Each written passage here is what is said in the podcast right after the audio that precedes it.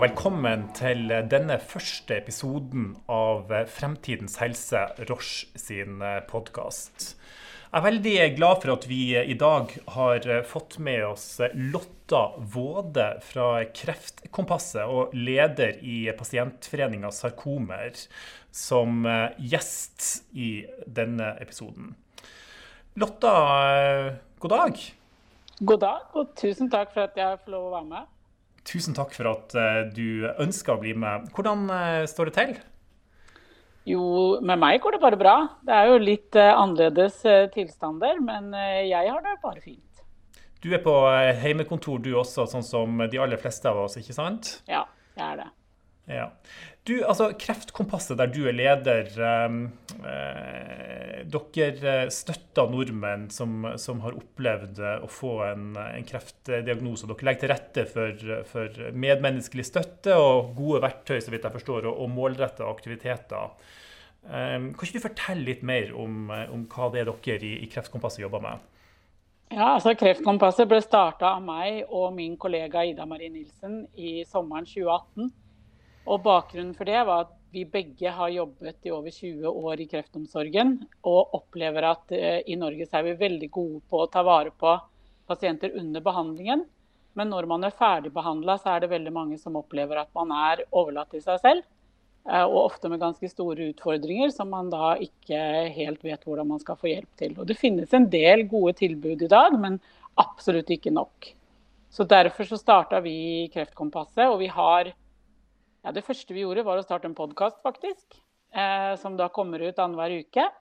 Og vi har en blogg hvor vi blogger litt om temaer som vi syns er viktige. Og vi har mange kjempefine gjestebloggere som snakker om temaer de syns er viktige. Og så er vi ganske aktive på sosiale medier og låner ofte ut Instagram-kontoen vår til pasienter. For vi har veldig stor tro på å dele, eh, og at vi sammen kan støtte hverandre og hjelpe hverandre. Og ikke minst i denne situasjonen som vi er i nå, da, så ser vi et stort behov for å dele, og at folk som mm. kanskje bor eh, langt unna eh, store byer, hvor man kanskje har litt mer sosiale ting, sånn vanligvis, da, ikke denne tida, men at det er et behov for å, å møte andre i sosiale medier. Og så har vi et mentorskapsprogram. og vi har arrangert eh, inspirasjonskvelder, og vi planlegger å skrive en bok. Så vi har masse ting på agendaen som vi tror kan være med å hjelpe. Men enn så lenge så er Kreftkompasset noe vi gjør ved siden av de vanlige jobbene våre. Da. Så tid begrenser, begrenser, oss litt. Ja, for det høres virkelig ut som dere har uh, masse spennende på gang. Ja, vi har det. Uh, ja. Så og vi ser jo akkurat nå da, at det, det, er veldig stort behov for ja, Kanskje spesielt i tiden etterpå, hvor man ikke har helsepersonell rundt seg på samme måte som man har når man er i behandling. Så er det et stort behov for å møte andre og, og ja, eh, få hjelp til de utfordringene man ofte opplever. da. Så det dere gjør, det er rett og slett å forsøke å, å, vise vei i det som mange kanskje opplever som et, et krevende landskap? Ja, eh, og sånn som f.eks. det mentorskapsprogrammet. Det, da, der er det da tidligere pasienter som kan søke om å delta hvis man eh, har noen utfordringer etter at man er ferdigbehandla. Det kan være f.eks. å komme tilbake i jobb, eller at man sliter med å være sosial, eller sliter med å begynne å trene. Eller, men man har sitt prosjekt som man ønsker å jobbe med, og så får man en mentor fra en privat bedrift som da støtter og hjelper en i ett år. Og det er veldig mm. mange av de samme tingene mange sliter med. Man, man, eh, opplever at man ikke orker så mye som før, man har mye fatigue. Og eh, ja, man, man, ser ikke helt at veien fremover blir sånn som man hadde tenkt, da. Og det å få hjelp til å støtte til å finne en ny vei som nødvendigvis ikke er dårlig, selv om den ikke blir sånn som man hadde tenkt. Det er så det er først og fremst eh, pasienter som, eh, som har vært i behandling, og som tidligere har fått stilt en, en, en kreftdiagnose, og som, som er ferdigbehandla. Eh, ja. Eller dere Det var det som var tanken vår, men det har liksom utvikla seg litt etter hvert til at ja. det er også mange som er i behandling, som tar kontakt med oss. Og vi eh, prøver å være der for alle, men, men vår opprinnelige tanke var egentlig for de som er ferdigbehandla. Men så er det også en veldig stor gruppe nå som lever med kreft. Eh, og når er de ferdigbehandla? Det kan man mm. jo lure på. Men, men, de er også en gruppe som ikke har så mye tilbud alltid. Og som vi ser at det finnes et behov for støtte og hjelp for de òg. Det er et vanskelig begrep, det der eh, kreftfri, eh, frisk eh, eh, Ja, hvordan man rett og slett skal si Eller skal man si at man er ferdigbehandla? Ja, hva, slags, hva slags begrep bruker dere? Nei, altså Jeg er jo veldig glad i det begrepet kreftoverlever, selv om jeg vet at det er ikke alle som, som liker det. Men eh, vi tenker jo egentlig at, at det er et fint fint begrep. At det er når du er ferdig med behandlingen. Men så er vi fullstendig klar over at selv om du er ferdigbehandla, så er det ikke utfordringene blir ikke borte, da. De blir bare annerledes. Du Lotta, det er mye snakk om, eh, om eh, koronaviruset nå, om, om covid-19 eh, og den globale helseutfordringa vi står i her i Norge. og i resten eh, av verden. Men samtidig så er det jo også sånn at, eh, at kreft eh, det rammer jo like hardt som, som, før. Kan du fortelle litt om hva du hører fra, fra de du jobber med, rundt den situasjonen som vi, som vi alle står i? Jeg har snakket litt med de som jobber på, på sykehus akkurat nå. og eh, er altså Det er veldig mange som er redde for å komme inn på sykehus nå. De som er i behandling, må jo nødvendigvis eh, komme. Men jeg vet jo at det er ting som blir utsatt, og man vurderer opp mot immunforsvaret. Og skal man utsette behandling som går på immunforsvaret. Eh, av de som vi jobber mye med, da, som kommer til kontroller etter at de er ferdigbehandla, der er det mange som ikke har lyst å komme på kontroll fordi man syns det er eh, skremmende å komme på sykehus akkurat nå.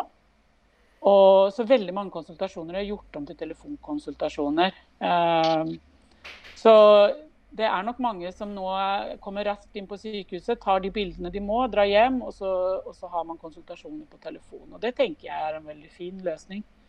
Mm. Uh, mm. Han er litt redd for, har jeg bare oppfatta på sykehusene, å utsette altfor mye kontroller nå, for det kommer til å hope seg opp eh, etter hvert. Sånn at man prøver å gjennomføre mest mulig av det som går, men kanskje på litt andre måter enn før. Opplever dere i Kreftkompasset da eh, økt pågang, eller hvordan er situasjonen for dere?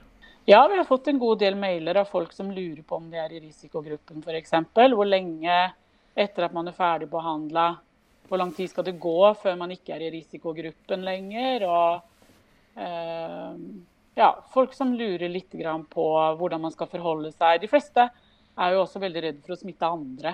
Eh, man er bekymra. Man kan, kanskje er pårørende som har kreftsyke hjemme, eller folk som har vært i kreftbehandling. Så det går veldig mye på å kanskje bare trygge de rådene som vi, som vi alle da må følge med på fra Helsedirektoratet. Og det er noe med at de endrer seg så fort.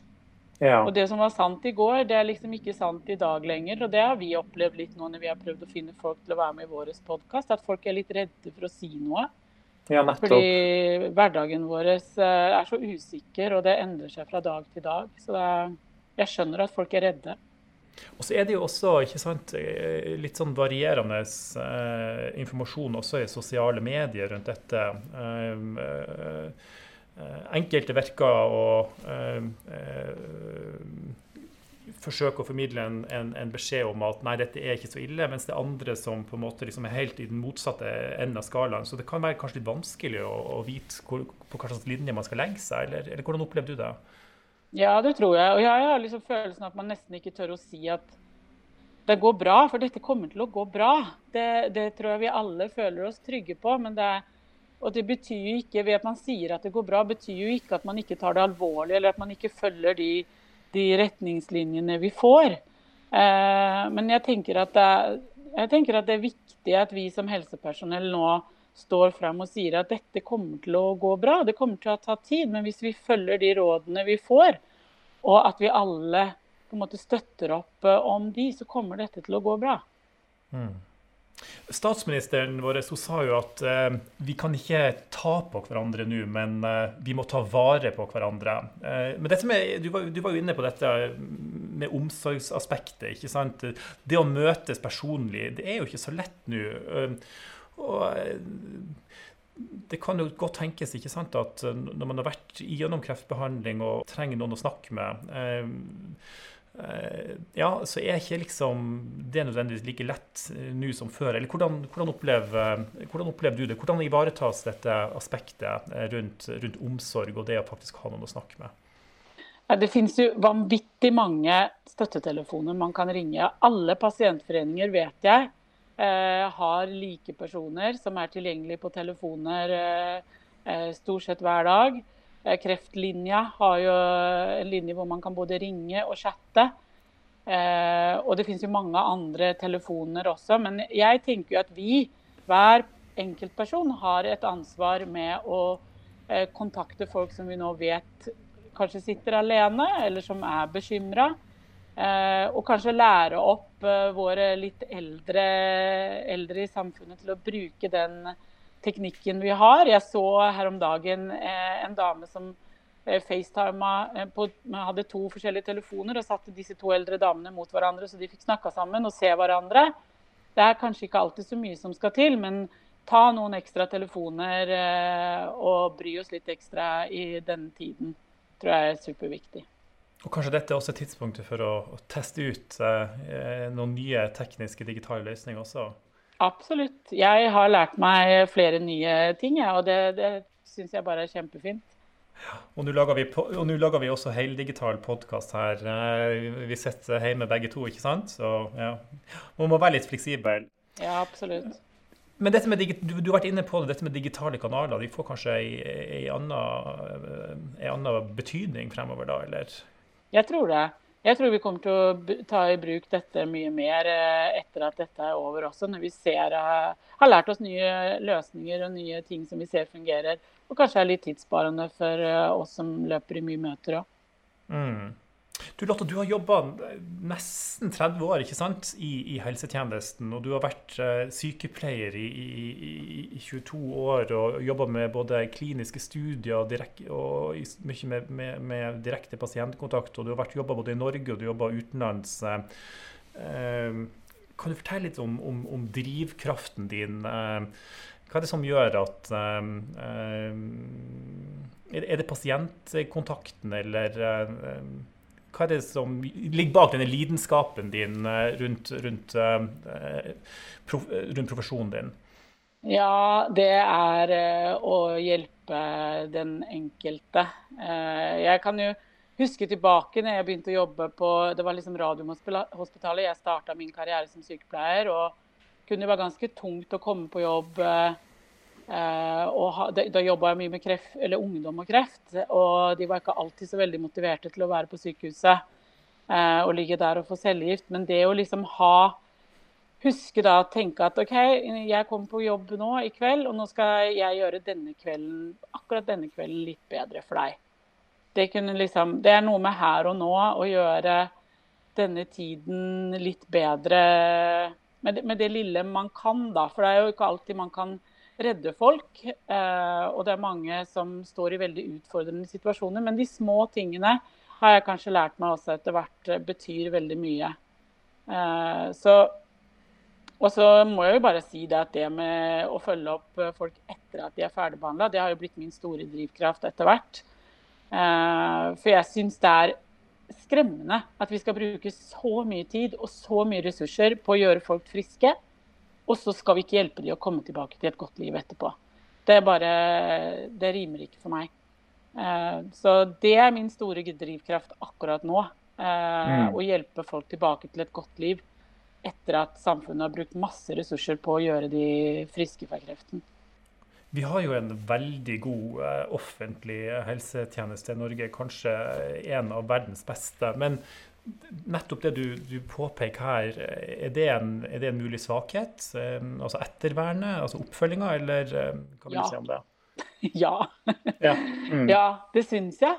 Uh, og jeg tror at, uh, at vi tror at det er så mye bedre enn det det er. Men det sitter så mange mennesker der ute. Og det er ikke nødvendigvis de store medisinske problemene de har. Men de har mista selvtilliten. De har mista selvfølelsen. De klarer ikke å komme seg tilbake i jobb. Eh, de sliter med å ha et sosialt liv pga. fatigue. Og det er en problemstilling som vi må løfte. For sånn som det er i dag, sånn, sånn kan det bare ikke være. Og det kommer vi, en del tilbud, men, men det må bli bedre. Så når vi eh, skal snakke om eh, fremtidens helsetjeneste, så eh, er dette kanskje et av de områdene du virkelig vil, vil satse på? Ja, det syns jeg. Og det gjelder jo egentlig ikke bare kreft. Det gjelder jo egentlig veldig mange andre, andre sykdommer. At vi må følge de opp etter at behandlingen er avslutta. Bare se på det mentorskapsprogrammet vi har, som jeg syns er helt fantastisk. Og det er også noe som jeg tenker på i fremtiden. Der er det altså private bedrifter jeg kan vel nevne det nå. Det er Aker, Norconsult, AF-gruppen og Veidekke som er med i det programmet vi har nå.